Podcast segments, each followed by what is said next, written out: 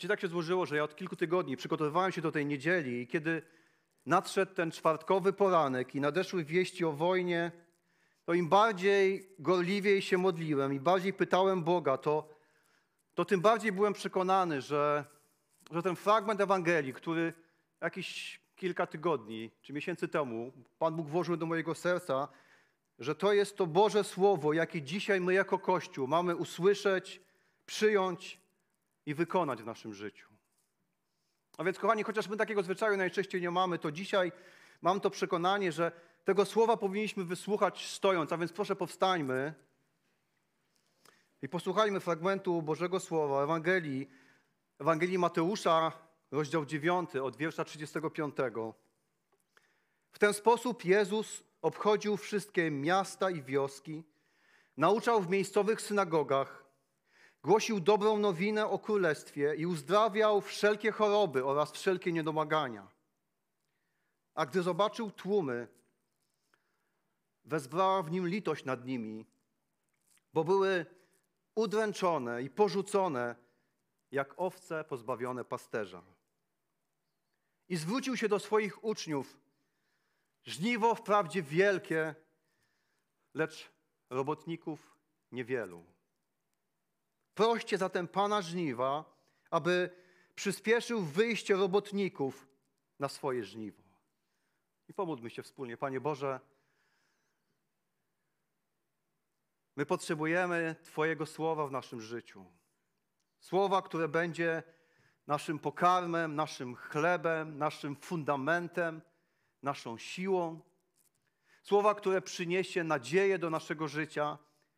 Panie, słowa, które wskaże nam kierunek i perspektywę na to, co wokół nas. I dzisiaj modlimy się, Panie, mów do nas przez Twoje słowo. O to Cię prosimy. Otwieraj nasze serca i umysły. Amen. Proszę usiądźmy.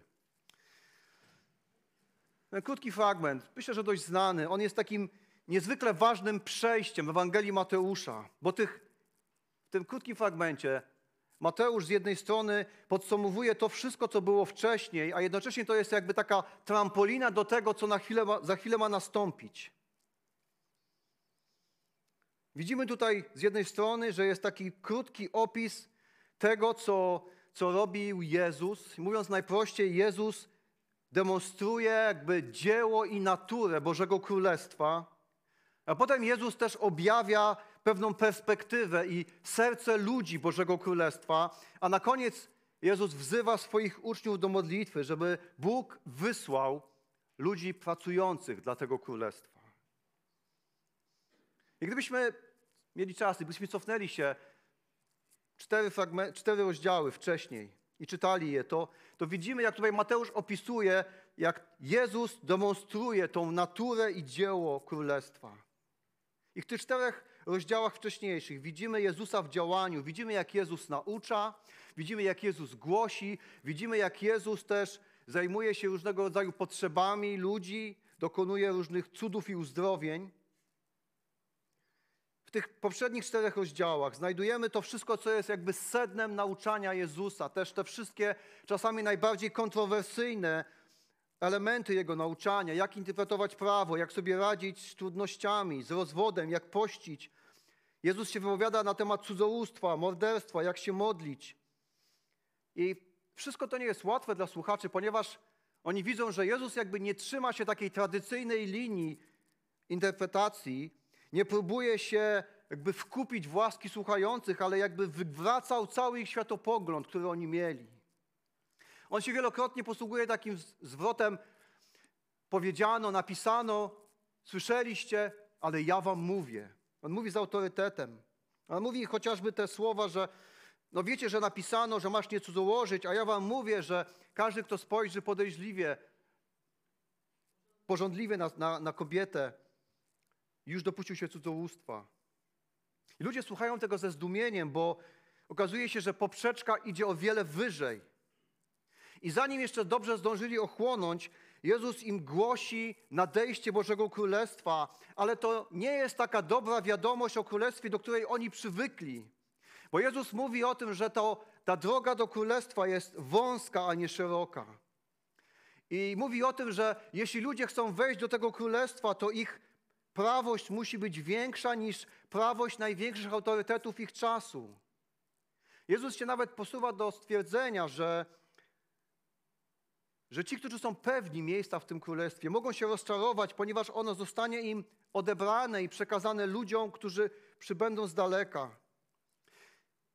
I też w tych czterech rozdziałach Mateusz pokazuje, że to, to dzieło Bożego Królestwa, ta prezentacja natury Bożego Królestwa, ona się nie ogranicza jedynie do słów, ale Jezus poprzez niesamowite działanie, poprzez cuda, poprzez uzdrowienia,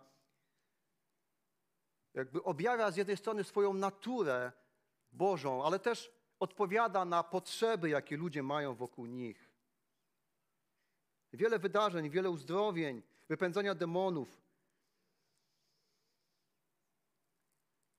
I Mateusz podsumuje to tak naprawdę jednym zdaniem, mówiąc: W ten sposób Jezus obchodził wszystkie miasta i wioski, nauczał w synagogach, głosił dobrą nowinę o królestwie i uzdrawiał wszelkie choroby oraz wszelkie niedomagania.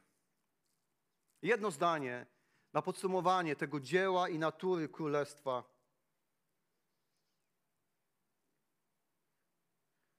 A Królestwo Boże, widzimy, ma tą naturę, że kiedy jakby styka się z człowiekiem, to Królestwo Boże, Jego natura ma to do siebie, że jakby zajmuje się całościowo człowiekiem, Jego duchowymi, Jego emocjonalnymi, ale też Jego fizycznymi potrzebami. I po tym jednym zdaniu podsumowania Jezus dalej jakby pokazuje pewną perspektywę i pokazuje, jakie jest serce ludzi Bożego Królestwa. Gdy zobaczył tłumy, wezbrała w nim litość nad nimi, bo były udręczone i porzucone jak owce pozbawione pasterza.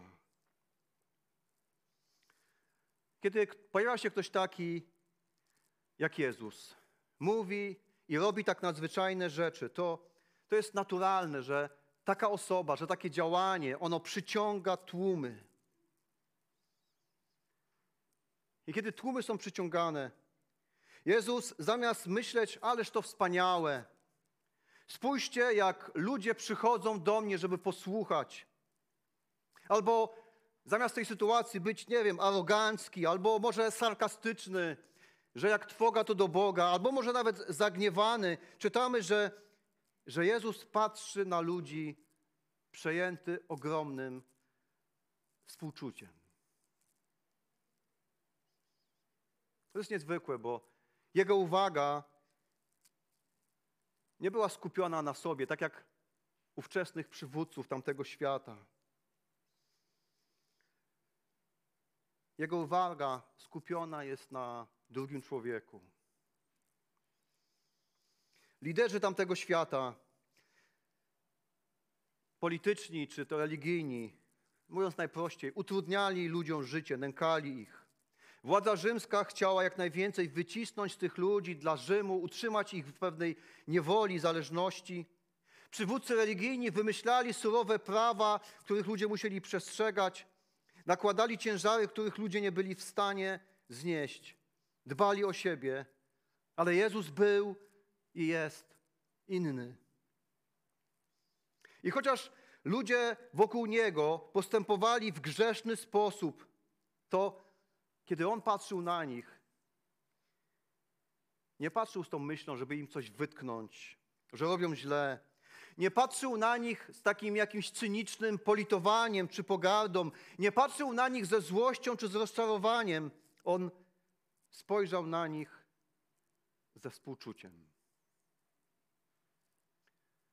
To jest niezwykle budujące, kiedy widzimy w tych ostatnich godzinach, jak można powiedzieć, cała Polska jest poruszona tym współczuciem dla Ukrainy i próbujemy na te różne sposoby zaangażować się w pomoc. pomoc. To jest naturalny ludzki odruch. I Jezus też jako człowiek, czytamy w Ewangeliach często, reagował też wzruszeniem, współczuciem na, na wiele sytuacji. Ale współczucie Chrystusa to jest coś o wiele więcej niż reakcja na daną sytuację. Wiecie, my w całej Biblii czytamy, że współczucie jest tą postawą, jaką Pan Bóg przejawia wobec nas, ludzi. I wobec stanu, w jakim my się znajdujemy z powodu naszego grzechu. Współczucie jest wyrazem miłości Boga. Współczucie jest takim jakby sposobem tego, jak Pan Bóg przemawia do nas i jak patrzy na nas. To jest ten rodzaj współczucia, który, który sprawia, że Bóg mówi: Ja nie mogę tylko na to patrzeć, ja nie mogę tylko nad tym ubolewać. Ja muszę to rozwiązać, ja muszę coś z tym zrobić.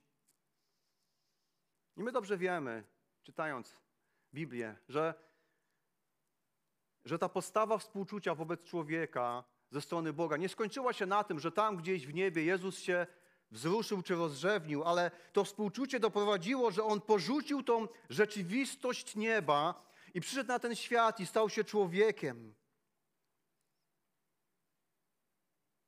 To współczucie Chrystusowe jest perspektywą, jest sercem i językiem, jakim przemawiają ludzie, którzy są częścią Jego Królestwa.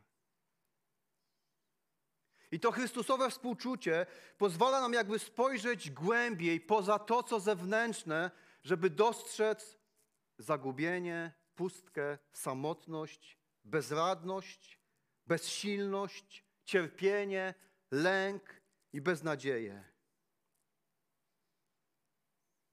Ten rodzaj współczucia pozwala zobaczyć, że kluczową i nadrzędną ponad wszystkie inne jest potrzeba żywej więzi z Bogiem w życiu każdego człowieka. Więzi poprzez Jezusa Chrystusa. I Mateusz tutaj używa tego klasycznego biblijnego obrazu na opisanie relacji człowieka z Bogiem, jaką, jakim jest ten obraz pasterza i owiec. Jezus nas kocha tak jak dobry pasterz kocha swoje owce. On chce rozwiązać nasz problem grzechu, chce wypełnić nas pokojem, chce towarzyszyć nam w codzienności, chce nas prowadzić. On chce po prostu zatroszczyć się o nas. Dlatego właśnie patrzy z tej perspektywy.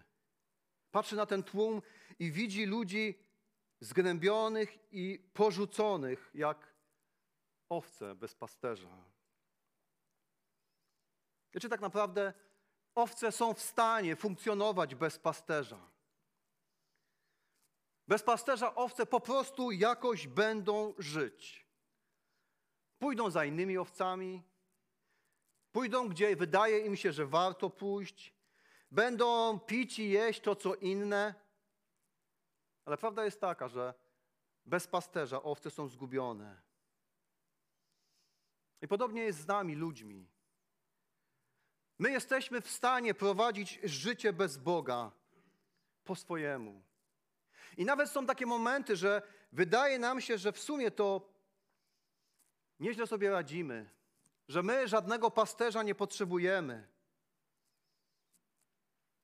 Ale kiedy w życiu przychodzą trudne sytuacje, albo tak dramatyczne i tragiczne jak wojna, i kiedy, kiedy nasz świat zaczyna się chwiać, a może nawet rozpadać, my często dopiero w takich chwilach uświadamiamy sobie, że ani my sami, aby ani też ci wokół nas tak naprawdę nie dają rady.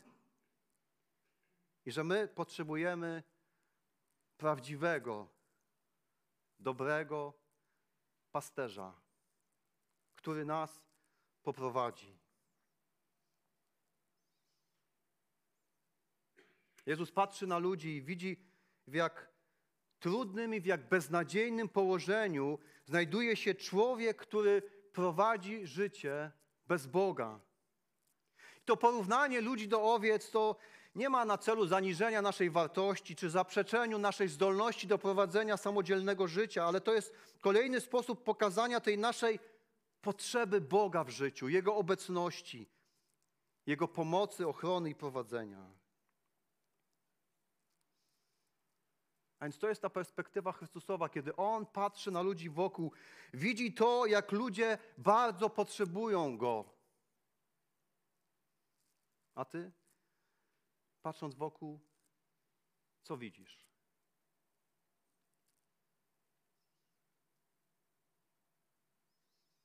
Czy nie jest czasami tak, że, że jako chrześcijanie zaczynamy się w tym wszystkim trochę gubić?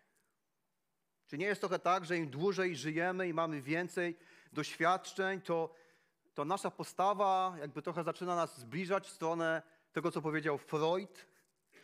Zaczynamy tracić wiarę w ludzi, ponieważ no, mamy tak wiele doświadczeń, tak wiele dowodów tego, że ludzie zawiedli, skrzywdzili, okazali się okrutni, niemiłosierni.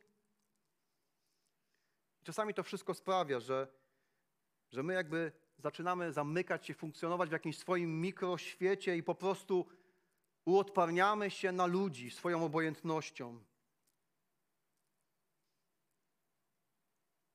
Dlatego właśnie to Chrystusowe współczucie jest kluczowym punktem i tej części Ewangelii. To, co się działo wcześniej, co opisywał Mateusz, i to, co za chwilę ma nadejść, to wszystko ma swoje źródło tym Chrystusowym współczuciu.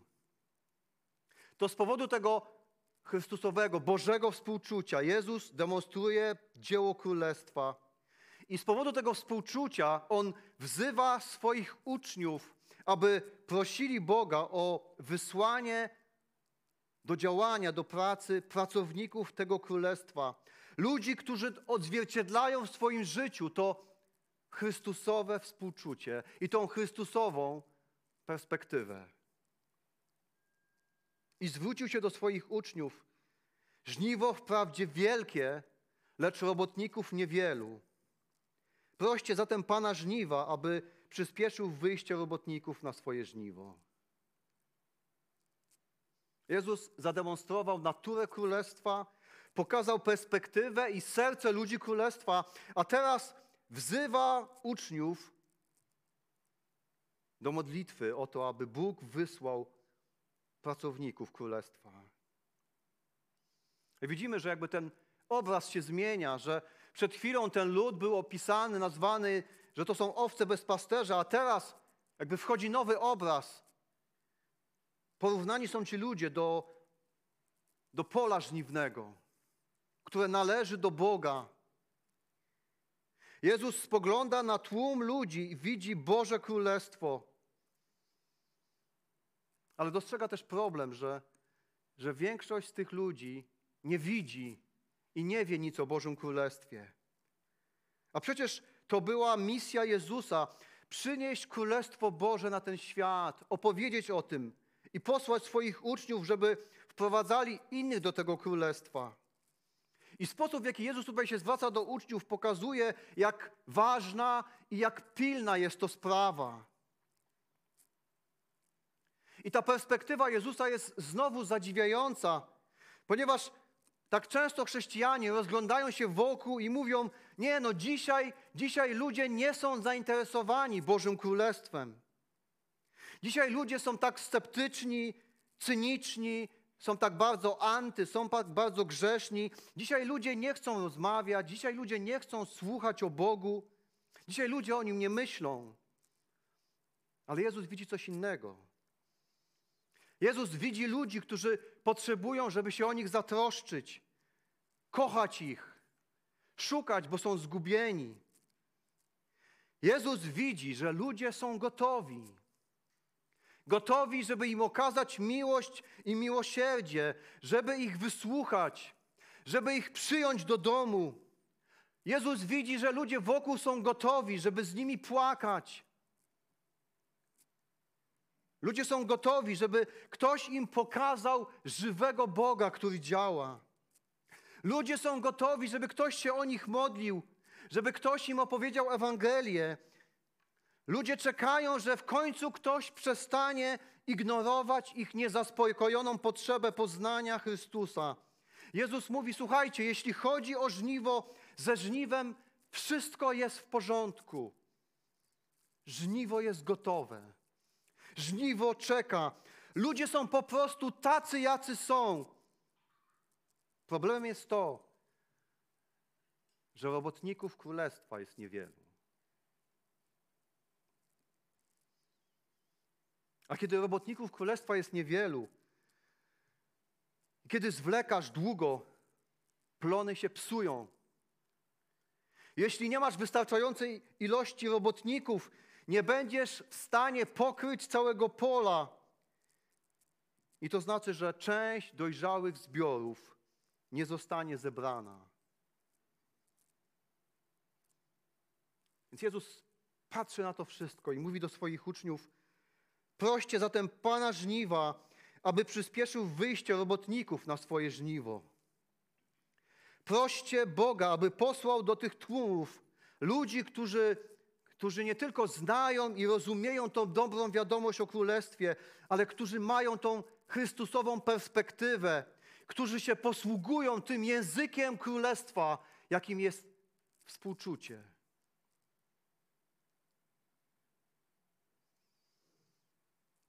Jak dobrze wiemy, te, te tłumy bez pasterza, o których mówił Jezus dwa tysiące lat temu, one istnieją także dziś. A żniwo, jak to ujął Jezus, jest wielkie. I okazuje się, że dzisiaj nawet żniwo jest większe niż jeszcze tydzień temu.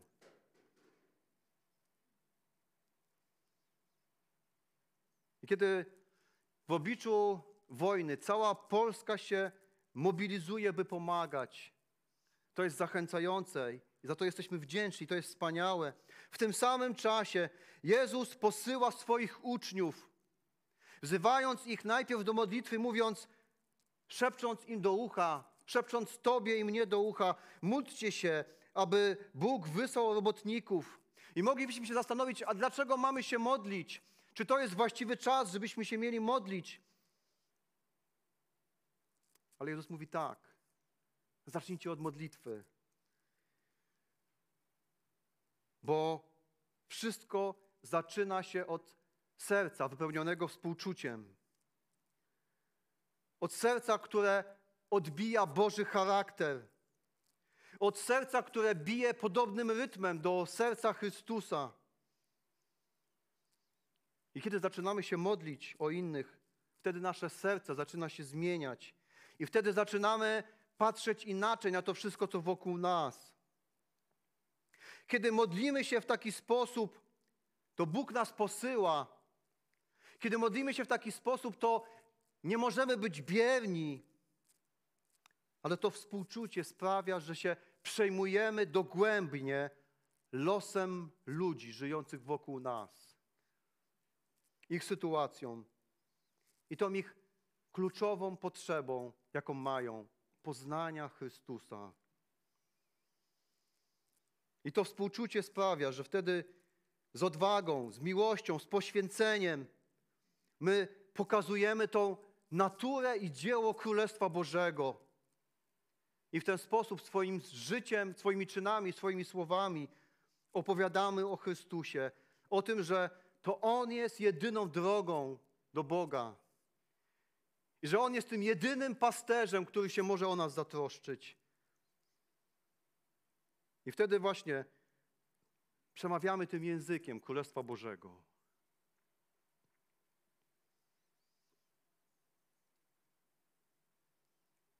I kiedy, kiedy Jezus mówi o tej modlitwie, widzimy, że dzieje się coś niezwykłego. Bo w kolejnym rozdziale widzimy, jak Bóg odpowiada na tą modlitwę. I czytamy w dziesiątym rozdziale. I przywołał Jezus swoich dwunastu uczniów. Dał im władzę nad duchami nieczystymi, aby je wyganiali, aby uzdrawiali wszelką chorobę i wszelkie niedomagania. A oto imiona tych dwunastu, i mamy później ich wymienionych. A dalej czytamy, tych dwunastu posłał Jezus z takimi poleceniami. Nie udawajcie się w drogę do pogan, nie wchodźcie do miast Samarytan, idźcie raczej do owiec, które poginęły z domu Izraela. Po drodze zaś głoście, Królestwo Niebios jest bliskie. Uzdrawiajcie słabych, przywracajcie życie umarłym, oczyszczajcie trędowatych, wyganiajcie demony. Otrzymaliście w darze, to w darze i jako dar przekazujcie dalej. Jezus widzi coś, czego oni jeszcze przed chwilą nie wiedzieli. Jezus widzi to, że to oni są odpowiedzią na tą modlitwę. I to jest dopiero połowa Ewangelii Mateusza, nawet nie połowa. Oni w tym rozdziale już głoszą Boże Królestwo, pokazują Jego naturę. To jest jakby taka pierwsza próba w ich życiu, a potem, kiedy Jezus wstąpił do nieba, posyła ich na cały świat, a poprzez nich posyła każde pokolenie wierzących ludzi, żeby czynili to każdego dnia. Jezus patrząc na swoich uczniów, widzi to, że to oni są odpowiedzią na tą modlitwę, żeby Bóg wysłał pracowników na żniwo. To jest jego perspektywa. A ty patrząc wokół, co widzisz?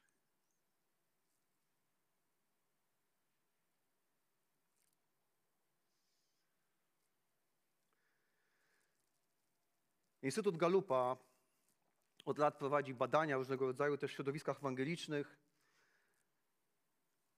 My często się odwołujemy do jakichś badań amerykańskich, środowisk ewangelicznych, bo niestety u nas takich badań się nie prowadzi, ale te badania, które oni przeprowadzili w ostatnich 30 latach, pokazują bardzo jednoznacznie, że zdecydowanie wśród chrześcijan w kościele jakby spada to przekonanie o tym, że to jest moje powołanie, to jest moje zadanie, to jest moja tożsamość, że ja jestem człowiekiem królestwa, że jestem odpowiedzialny za to reprezentowanie Boga, że coraz więcej ludzi mówi: No, ja jestem chrześcijaninem, ja jestem wierzącym. To wszystko to tak, to jest zadanie Kościoła. I badania pokazują, że w ciągu 20, ostatnich 25 lat jakby to następuje jakby wyraźna zmiana. Coraz mniej chrześcijan jakby czuje się odpowiedzialnych, powołanych i nie wiem, jak myśmy, byśmy siebie umieścili e, w tych badaniach, ale czy nie jest często tak, że widzimy potrzeby, że jesteśmy przejęci współczuciem, ale niekoniecznie widzimy to, że to my jesteśmy odpowiedzią na tą modlitwę. Panie, poślij robotników na żniwo. Czy nie jest często tak, że wydaje nam się, że, no, że to inni, no, że to nie nasze powołanie. To nie jest powołanie być moje być misjonarzem, pastorem i tak dalej. Często przytaczamy to nasze takie ulubione, wiesz, to nie jest mój dar, ja tak nie potrafię stanąć na ulicy i tak z Biblią do ludzi. A tymczasem żniwo, do którego Bóg nas posyła, to jest nasza rodzina, to są bliscy przyjaciele, sąsiedzi, to są uciekający przed wojną i opresją z Ukrainy czy z Białorusi. To jest ktoś, kto mieszka obok. Współpracownicy, którzy mają biuro naprzeciwko Twojego i których spotykasz może codziennie, pijąc wspólnie kawę. To jest twój kolega, twoja koleżanka z klasy czy z uczelni. To jest ktoś, kto gra w tej samej lidze co ty. Kto chodzi z tobą na siłownię, kto biega. To jest twój przyjaciel online. To są rodzice przyjaciół twojego dziecka. To są ludzie, których spotykasz u lekarza. Twoje żniwo jest wszędzie tam, gdzie są ludzie, którzy żyją bez Chrystusa, jak owce bez pasterza. Twoje żniwo jest wszędzie tam, gdzie są ludzie, którzy potrzebują, że, żeby ich kochać, żeby się o nich troszczyć, żeby ich szukać.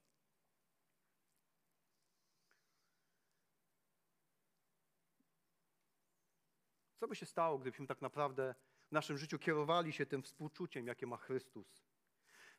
Gdybyśmy tak naprawdę mieli serce dla ludzi takie, jak miał Jezus, gdybyśmy mogli wykonywać dzieła, jakie, które On wykonywał, gdybyśmy tylko mogli. wiecie, tak naprawdę to są właściwie niewłaściwe pytania i stwierdzenia, bo my możemy wykonywać dzieła Bożego Królestwa, bo Jezus nas nie powołał do zadania, które jest niemożliwe do wykonania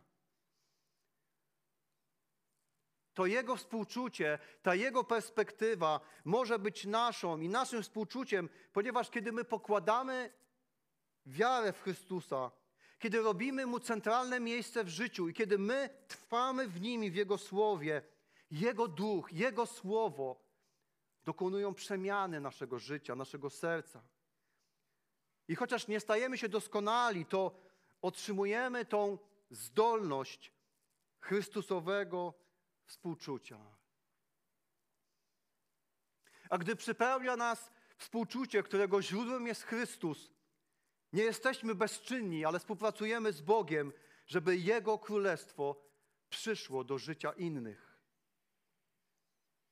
I to zawsze się zaczyna od modlitwy. Modlitwa to jest takie przekręcenie kluczyka, odpalenie silnika, żeby spojrzeć na drugiego człowieka tak, jak patrzy Chrystus. Więc, kochani, módlmy się wytrwale i zaangażowaniem. I idźmy tam wszędzie, i bądźmy tam, gdzie Bóg nas posyła, i bądźmy tam pracownikami Bożego Królestwa. Dla chrześcijan kluczową i nadrzędną ponad wszystkie jest Chrystusowa perspektywa na życie. Na te najpiękniejsze, a też na te najbardziej tragiczne i bolesne doświadczenia. Jego perspektywa patrzenia na drugiego człowieka. A zatem dzisiaj, co widzisz? Powstańmy do modlitwy.